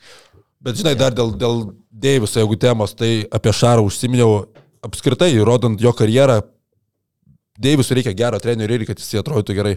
Išėjo iš Žalgerio, Barcelonai pirmas sezonas prie Pešičiaus tikrai nebuvo kažkas tokio ir dabar, kaip aš matau šį sezoną, kaip Deivisas atrodo, nu, man atrodo, kad tai yra vienas labiau, labiausiai pervertinų žaidėjų šį sezoną Eurolygoje. Taip kaip jisai, kokį turi vardą, kokį turi statusą užsitarnavęs, jo tos nesąmonės, pastovės nusiemus kamolį, bėgimas su kamoliu, įlipimas į medį, jam reikia šaro, kad jisai būtų geriausia savo versija. Prie kito trenerio neaišku, kaip Deivisas atrodo. Nežinau, tai tą patį gali tada kalbėti ir apie Keviną Pangosą. Dar blogiau atrodo. Pangosas irgi tikrai taip. Apie kategoriją. Apie Holą, kuris šiaip ateitų į Žalgirį, gal net prie Kaziuko atrodytų žymiai geriau, ne? Ja, bet sakau, pas Deivisą. Apie Melį, apie Foytmaną, ką jie blogi žaidėjai. Daug tų užtemimų. Ne, ne, irgi sen, būna. žinok, aš ne- negretinčiau čia šaras, ne šaras. Melį Foytmanas irgi tragiškai atrodo iš tikrųjų. YouTube komentaruose Dalius Tuoka, mūsų pliusas klausė, o, o kur Vilas Čeri? O kur e, tas, e, kaip jis, blėt, Koribekas. ne, ne, dar toks vienas buvo keistuolis. Ivan Girgat? Ne, ne, ne, tas. Bet čia buvo... buvo Buvo ne... ne Ukrainos rinktinį, kur lošia.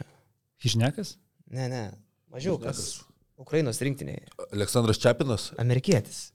La, ai, tas Rendlas. Rendlas. Jerome Rendlas. Kaip ir geras, bet kaip ir neaišku, ką iš čia veikia. Bet čia buvo ne vienas pasiūlymas ir prašymas sudaryti ir blogiausių legionierių vienuoliktuką. Kada Gal- nors. Gal idėja ateičiai.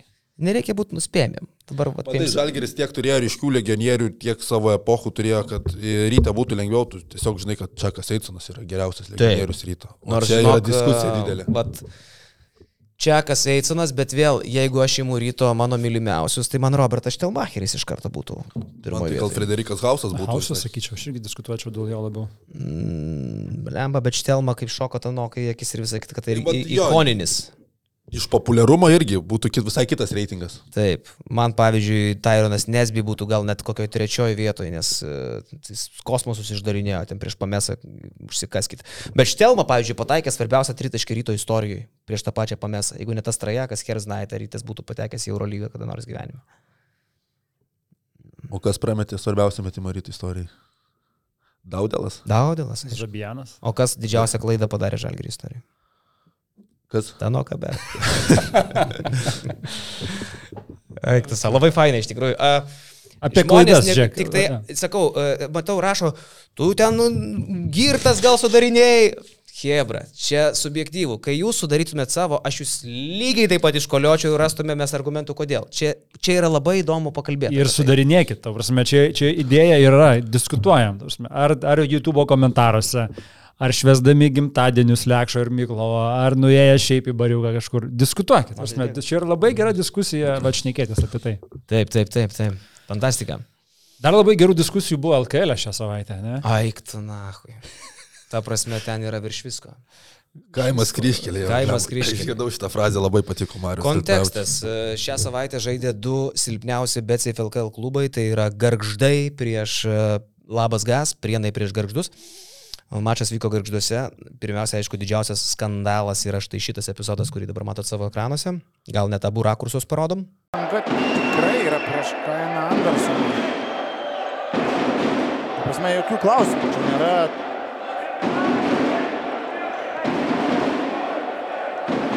Ir taip, Marius Vaiznavičius ten įbėgo į aikštę, paleido emocijas, turėtų būti trys baudų metimai.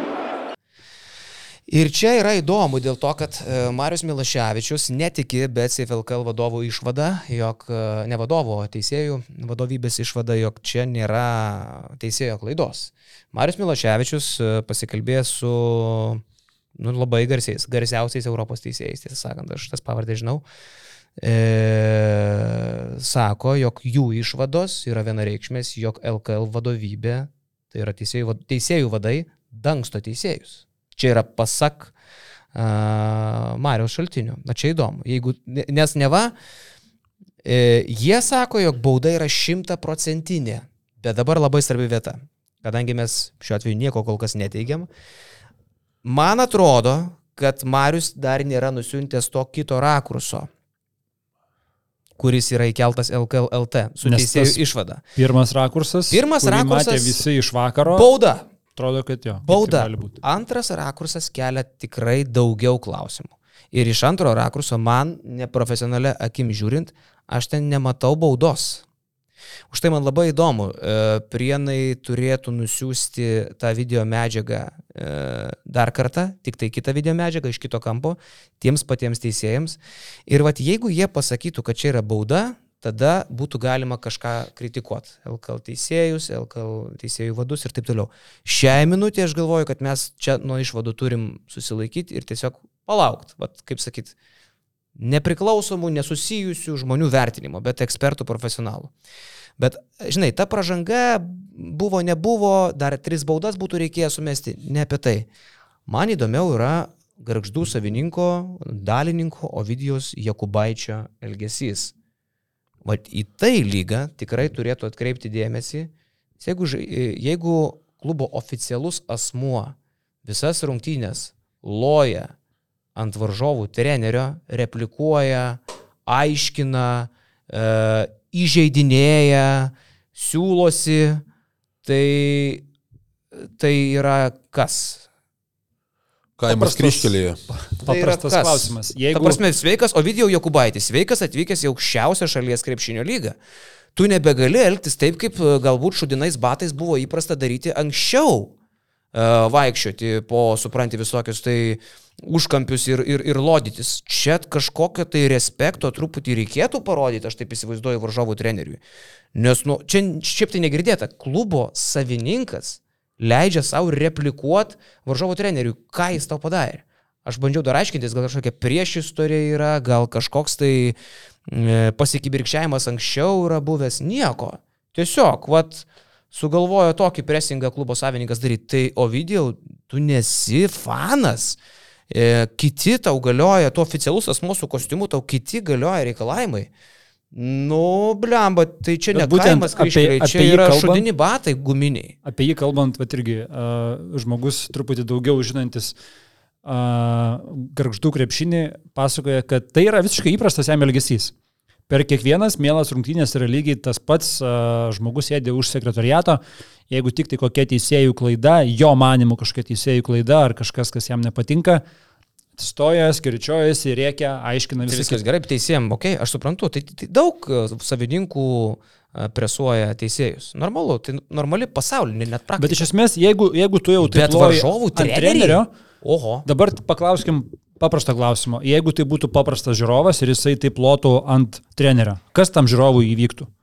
Apsauga prieitų, jį paimtų už pakarpos, išvestų. Tu, tu negali taip tiesiog elgtis per rungtynės uh, su varžovų treneriu. Ar su savo, ar su varžovu, tu negali tiesiog taip elgtis. Nu, žiūrint, kokia ta riba. Bet uh, kiek aš žinau, tai buvo peržengta labai, labai, labai. Ir čia va yra klausimas, okei, okay, tu žaidži namų rungtynės, viskas tvarkoj, bet tu nežaidži miesto lygoj. Tu nežaidži šiaip kažkokio mėgėjų lygoj, tu žaidži aukščiausių Lietuvos krepšinio lygoj ir visiems turi galioti vienodi standartai, vienodi reikalavimai. Jeigu tu elgies šitaip, nesvarbu, ar tu esi klubo savininkas, lyga turi baust, ar, ar, tu esi, ar tu esi fanų lyderis, tu negali taip elgtis ir tave arba išveda lauk, ką turbūt šiuo atveju turėjo padaryti, arba nubūdžia po viską. Yra dar kitas dalykas. Kiltinavičius irgi turėtų gauti įspėjimą arba bent jau baudą už tą visą pašaltų nahui e, ir taip toliau. Ir davai einam įsiaiškinsim. Kitaip sakant, Jokubaitis, Jakubaitis pasiekė savo, jisai išprovokavo varžovų trenerį, ir tas nusileido į tą patį dugną, kokiame yra Jokubaitis savo kultūrą. E, tai abu šiuo atveju yra vienodi. Vienas provokavo, kitas nusileido ir abu tame šūdė išsimaudė. E, bet lygai tai turi atkreipdėmėsi, nes, nu, nu seniai, tada mes nueisim iki to, kad tikrai tuoj bus Rusija visiškai ir eisim į lauką du savininkai, du basintis.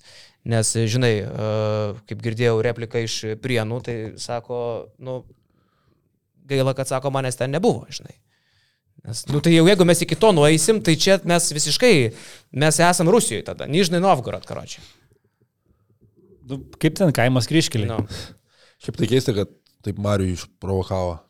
Nu, visos čakros atsivėrė. Nu, bet šiaip tai, nežinau, dėl to epizodo tu gerai pasakėjai, mes čia išaiškinimas yra tas rakursas, kur, kurį aš mačiau LKL, tai matosi, kad pradžioje kamolys numuštas, tada akrobatiniai veiksmai vaidybos elementai. Iššaukimas tik tais buvo keista, kad vienas iš teisėjų rodė pražangos, kurios Ginteras Vitkauskas. Taip, Vitkauskas rodo pražangą, jos nesušvilpė. Ir po to eina peržiūrėti, kur pradžioje, man atrodo, pats nesuprato teisėjai, ką eina peržiūrėti. Nes po to jie... Jie nesuprato, seniai. Taip. Jie nesuprato tikrai, ką, Nes jie- ką jie eina žiūrėti. Kaip ir metamas, sako. laiką. Tam mikrofonė gal bus metamas. Kažkas ten mikrofonė sako. Ir po to, po to Šokė, galima, kad šokė. laikas. Tai matomai ten buvo tai, nesuvaldytas. kad gal. aš neužsitikli- neužsitikrinčiau ant to, kad vienas teisėjas iškėlęs rodė, kad jo pražanga bus, o kitas užfiksavo kažką kitą. Tai būna. Tai būna, kad teisėjai iš savo skirtingų rakursų mato situaciją skirtingai ir vienas jau kažką rodyt kažką pagal save, kitas būna pirmesnis, parodo, kad to nėra. Tai aš to nesureikšminčiau, bet tai, kad jie paskui nuėjo žiūrėti nežinia ką, tai kelia klausimų.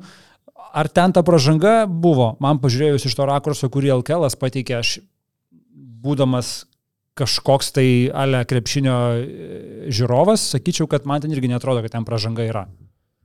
Netrodo, kad ten ta pažanga buvo, uh, ypatingai matant tas reakcijas, kurios kilo iš prienų komandos pusės po rungtynių iš karto. Bet, Nu- ar, bet ar LKL nedangsto savo teisėjų? Tame pačiame tekste, kuriame LKL pasakoja, aprašo situaciją Palangoje ir aprašo situaciją Vilniui, Vilniui jie pripažįsta, kad turėjo būti skirta techninė pažanga. Įvesk į kontekstą dėl Vilnius, gal ne visi žino. E, Rungtynėse tarp ryto ir Vulsų, šeši ryto žaidėjai aikšteliai, niekas nepastebi, Kurtinaitis rėkia ant teisėjų, kas čia yra, taip toliau. Tas šeštas žaidėjas, aš nežinau, aš nemačiau, bet įdomu pamatyti, kaip tas šeštas žaidėjas pasišalino iš aikštelės. Tipų, tipų, pizdų, pizdų, tipų, kampukais, tipų, sėdo kampukais. ant suliuko ir dabar... Taip, taip, taip. Aš žaidžiau, taip, taip, kas? panašiai ir Aš? buvo, panašiai ir buvo. Ir Saulis Račys tai matė beje.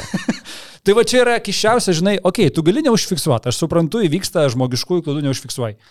Kaip tu paskui neskiri techninės pažangos neužfiksavęs šešių žaidėjų aikštelėje? Ne, tai yra klaida, žmonės suklydo ir jie tą pripažįsta. Jie tai pripažįsta, bet tam pačiam LKL tekste, kuriame jie aprašinėja šitą situaciją, nerašoma, kad yra skirta kažkokia nuobauda. Yra parašyta, kad tai buvo vyr teisėjo atsakomybė, jis to neužfiksavo, tai klaida. Taip. Ir... Atsakomybė yra patikėk manim. Apie atsakomybės giri nerašo tose tekstuose niekada. Ką, ką jie Anksčiau rašydavo, žinok. Bet dabar neberašo, šiek tiek pasikeitė atvejs. E, Pagal naujas taisyklės, kurias pasirašė LKL ir teisėjai, lyga nebegali pavardėmis vardinti e, teisėjų baudų, kas ką gavo ir taip toliau. Nebėra šį sezoną nei vieno tokio atvejo. Kas ir kaip okay, buvo nubausti, nebėra. įvardijo vyr teisėją, kad jo klaida, tai supras, Ir kad jis pavardės negalima nubaustas. rašyti. Jie baudžiami, baudžiami tikrai skaudžiai. Ir, ir kiekvienas toksai vat, atvejis, visi bauduojami, sėda ant bankės, sėda be rungtynių, sėda ant įtampos, sėda ant išpizdavojimo ir žinai, taip toliau. Ta vyr teisėja, nu, tai tu pažiūri, kas yra pirmas tam sąraše ir tu matai, kad čia yra vyr Tai teisėjas. bet tokios taisyklės yra. Mes galim sakyti Saulis Račys. Mes galim. LKL negali. Mes galim sakyti Gintaras Vitkauskas. LKL negali. Tokios yra naujos taisyklės. Beje, tu jas žinojai, man atrodo. Aš tau nebuvau pasakojęs. Yeah, žinau, žinau. Tai va. E, tai vienas dalykas. Kitas dalykas, ką aš norėčiau dar apie teisėjus pasakyti. Man labai patiko Ryčio Sabo tekstas mūsų pliusams e, praeitą savaitę. Ar šią paleido? Pirmadienį. Antradienį. Antradienį.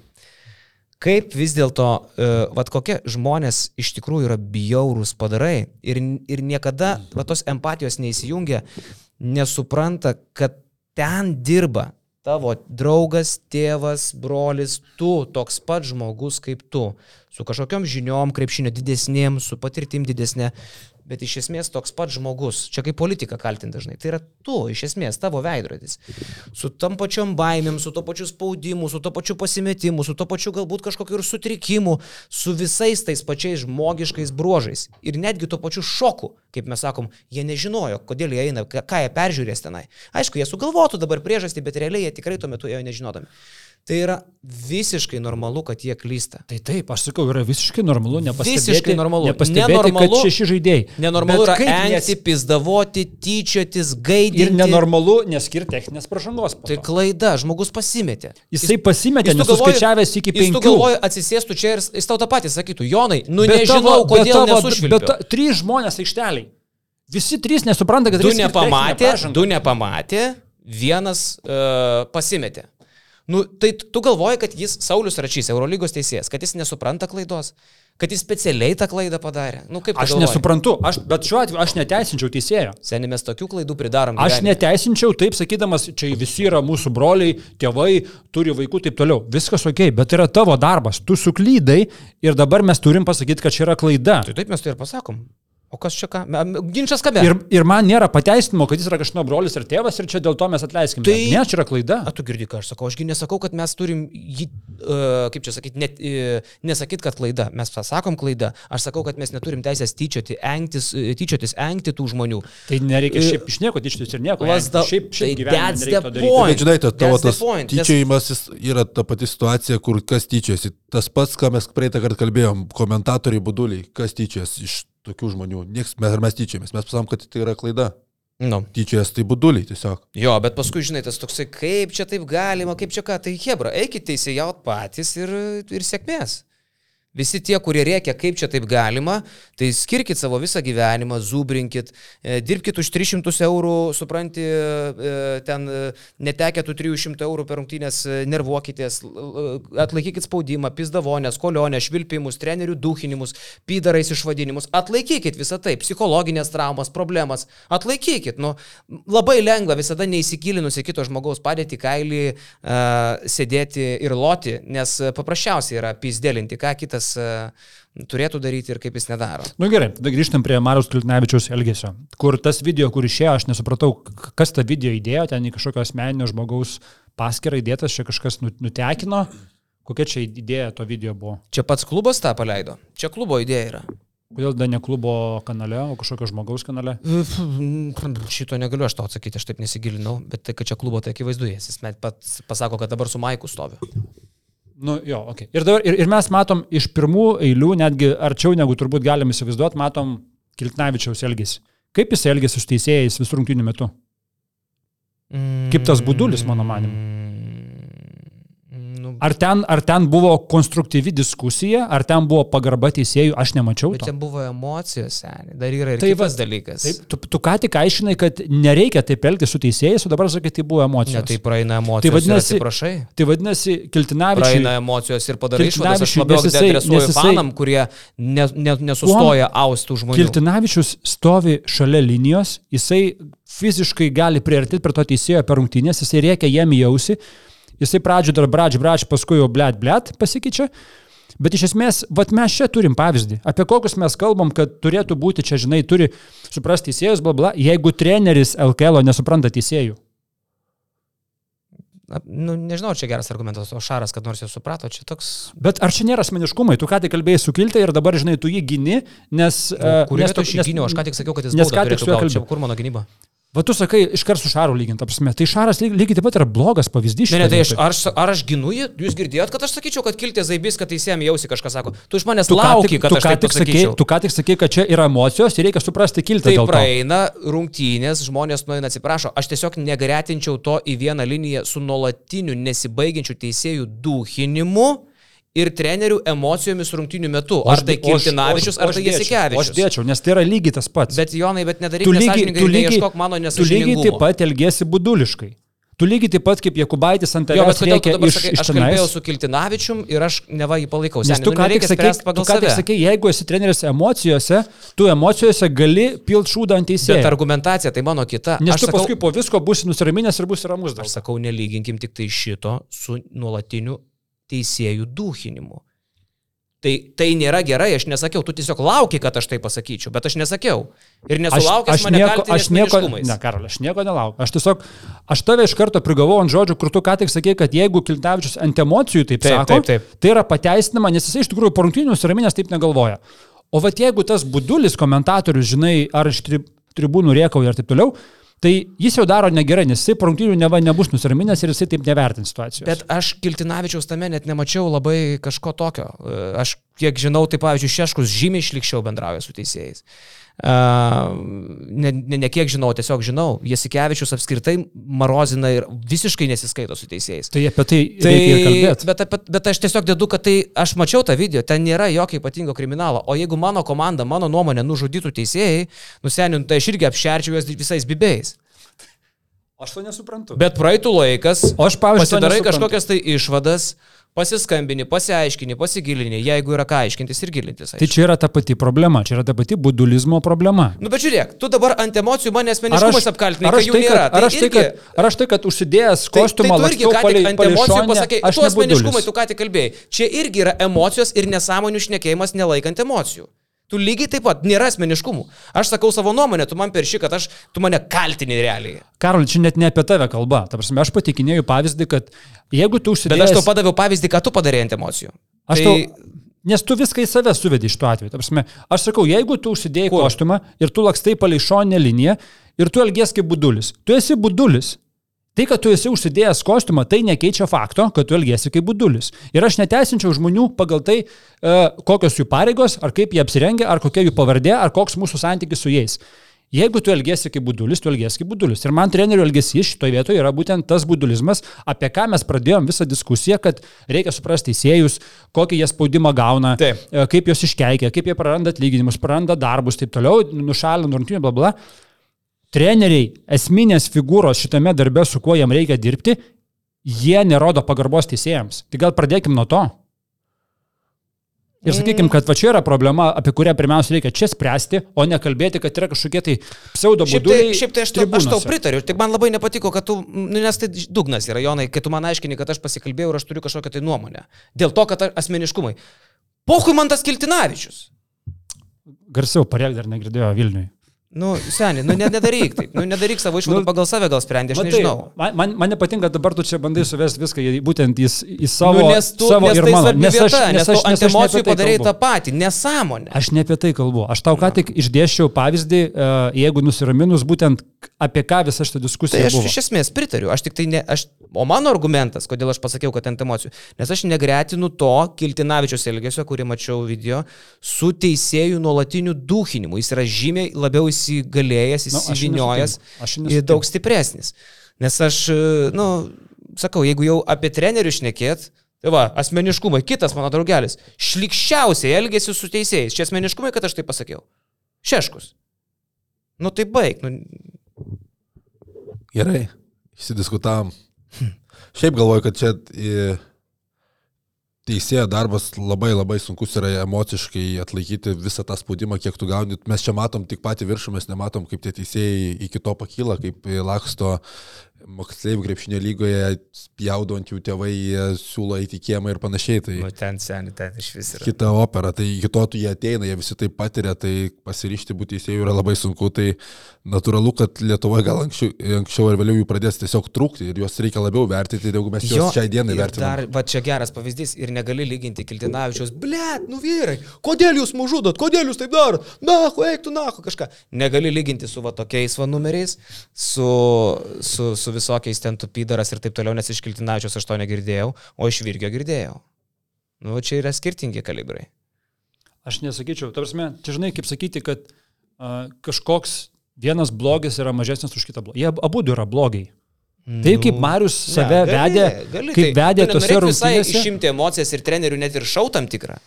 Tas e, pariekimas jisai turi žavesį, bet jis turi turėti ribas. Ypatingai, žinai, ypatingai kitų suvedi Mariu, kuris save vėl pateikinėja kaip dzembudistą, kaip kažkokį tai mokytoją, kuris uh, Facebook'e turi kažkokią grupę, ar ne, kuris auklėja kitus, kaip reikia elgtis. Ir čia toks elgesys, kiemo bahūro. Aš tokį, aš toks, man toks Bet elgesys. welcome to Senate to basketball. Aš nežinau, tu pirmą kartą tiesiog išgirdai žmogų šnekant į mikrofoną, be pipinimų realiai, tre- treneriai turi menį. Bet čia tu ateik į LKL grajus, Aš- ten nuštepsi. Karoli, tarsi. Ap, nu, Bet net ne LKL, į bet matai- kurį ateik. Matai, vėl, tu tokį kažkokį, va dabar tu mano asmeniškumą. Ne, tu jau čia tiesiog Tai kad, norėjai. tai, kad man 37 metai, ta prasme, aš, tai yra, kad aš vaikščiau į LKL ir LKL žymiai daugiau. tu neini į LKL. Ne, aš tave nuoširdžiai kviečiu ateiti, neironizuodamas, kad tu neini. Nenorėk įsižeisti, Jonai. Tiesiog sakau, kad taip šneka visas LKL kolektyvas. Nešneka visas, kas jis taip šneka. Žibienas taip šneka, Manau. Sireika taip šneka. Man, ne, Sireika ne. Sireika tikrai ne. Bet e, šneka? Čianakas šneka, Donaldas gal nelabai. Sireika ir Donaldas tokie būtų turbūt e, nusaikiausi. Kurtis taip šneka. Kurtis dar ne taip šneka, Dar ne taip šneka dabar. be jokios abejonės. Kažkada gal ir šnekėjo. Dabar? Taip. Neįtikinamai pasakiau, taip. Tai Ne. tada pasiklausk. Ką žmonių tik, ir ką tik sakėjai visas LKL. Dabar mes einam šitas, gal ne, šitas, ne, šitas, ne. Nu, aš šitas. matai, aš skirtingai negu įprasta, aš kalbu Ir nuoširdžiai. aš- Tai sakydamas visas, gal turiu menį 80 procentų, ne? Ir aš einu prie Tai to paties, kad kabinėtis. Marius yra tas, iš kurio tu tikėtumėsi kitokio elgesio. Iš to, kokį mes jį žinom už aikštelės ribų, kokį jisai pats save pateikia socialinį erdvėjai, tu tikėtumės iš jo kitokio elgesio. Tai, kad jisai yra krepšinio treneris, taiga jis turi būti kitoks, nes visi taip daro LKL, nu aš nesuprantu šitą, nekaip. Bet Jonai, nu blecha, nu gerai, bet, tai tu, bet čia, čia yra didžioji dalis trenerių. Toks elgesys. Rungtinių metų, emocijos. Aš bandau tave įsivaizduoti treneriu.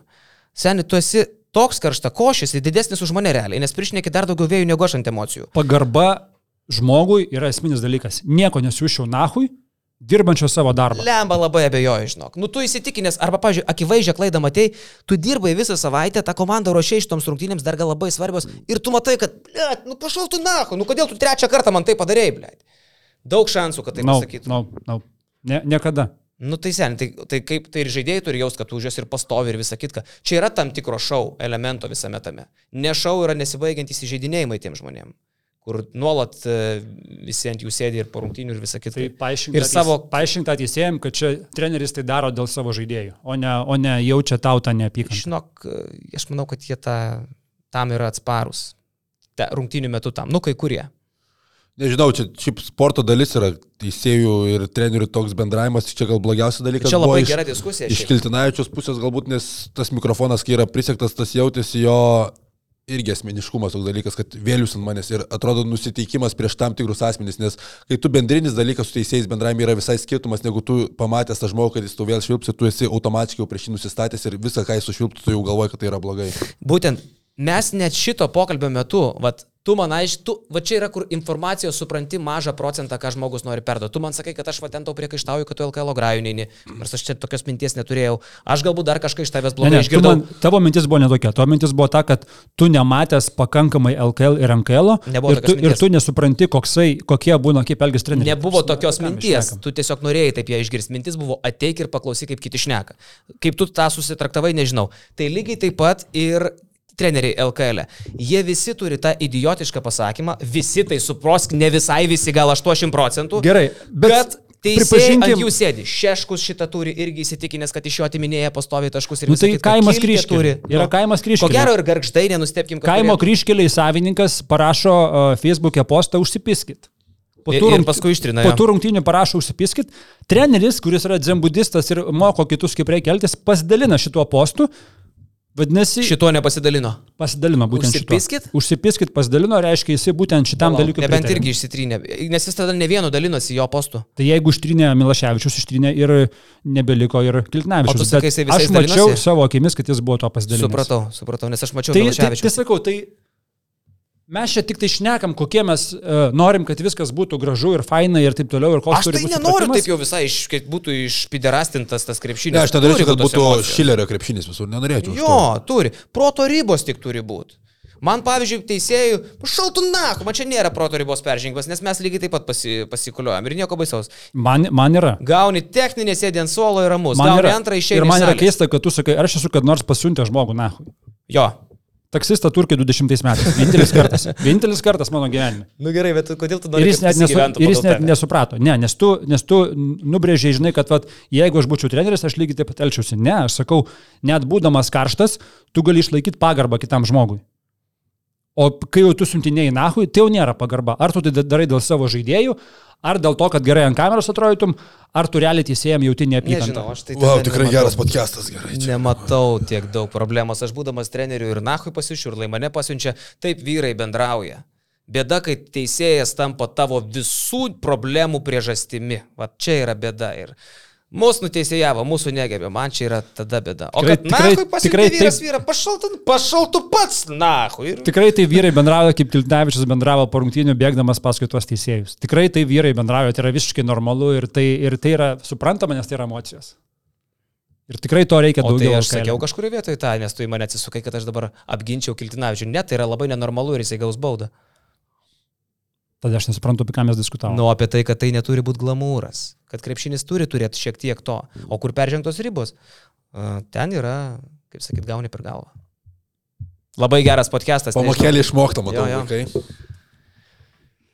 Nu, duok dar pabaigai kokį. Mo, vis tiek turi redaktorius, daug moralą. Anekdotą kokį. Čia reiktų lekšo tėvo, ne? Kokį- reiktų kviesti. Kokį suvesti. Iš, iš karto šitai situacijai turėtų. Davai visi po anegdotą. Aš pradėsiu. reiškia, uh, Rūbinė, teatras ir atsiminėja paltus visi. Ir duodi eurą, gauni žetoną, ne? Ir prasideda, reiškia, aiškinimasis, kuris kietesnis, žinai. Vienas duoda 2 eurus, gražos nereikia, žetonas padėtas paltas. Kitas duoda pitaką, gražos nereikia, paltas. Trečias ateina numeta 40 eurų, gražos nereikia ir palto nereikia. Toks vat mano anegdotas pabaigai. Gal jo ir užteks, man atrodo. Nu davai dar nuo savęs. žinok, aš, aš laik tėti veždžios, jeigu reikia anegdotų. Neturiu tėčio. Duok dabar. pirmą, kurį Neturiu. atsimeni, iš vaikystės. Neturiu, žinok. Naujasis rusas. Ten su rusais, ten yra su mašina, bet aš, žinok, viską pamirštu ir kitaip perpasakoju savais žodžiais. Nu ir tu, Jonai. Aš tiesiog režimuoju kaimas kryškeliai. Šiaip tai taip. Sveikas, čia balai šį seklą. Dabar prasme, tai nėra kažkoks tai reikalavimas iš tavęs, nu bet tai daugiau mažiau. Dabar prasme, palaikink tą patį podcastą, ten paprenumeruok kažką, tai tam tuo pliusu, tai tokie pabaigai gal niuansai.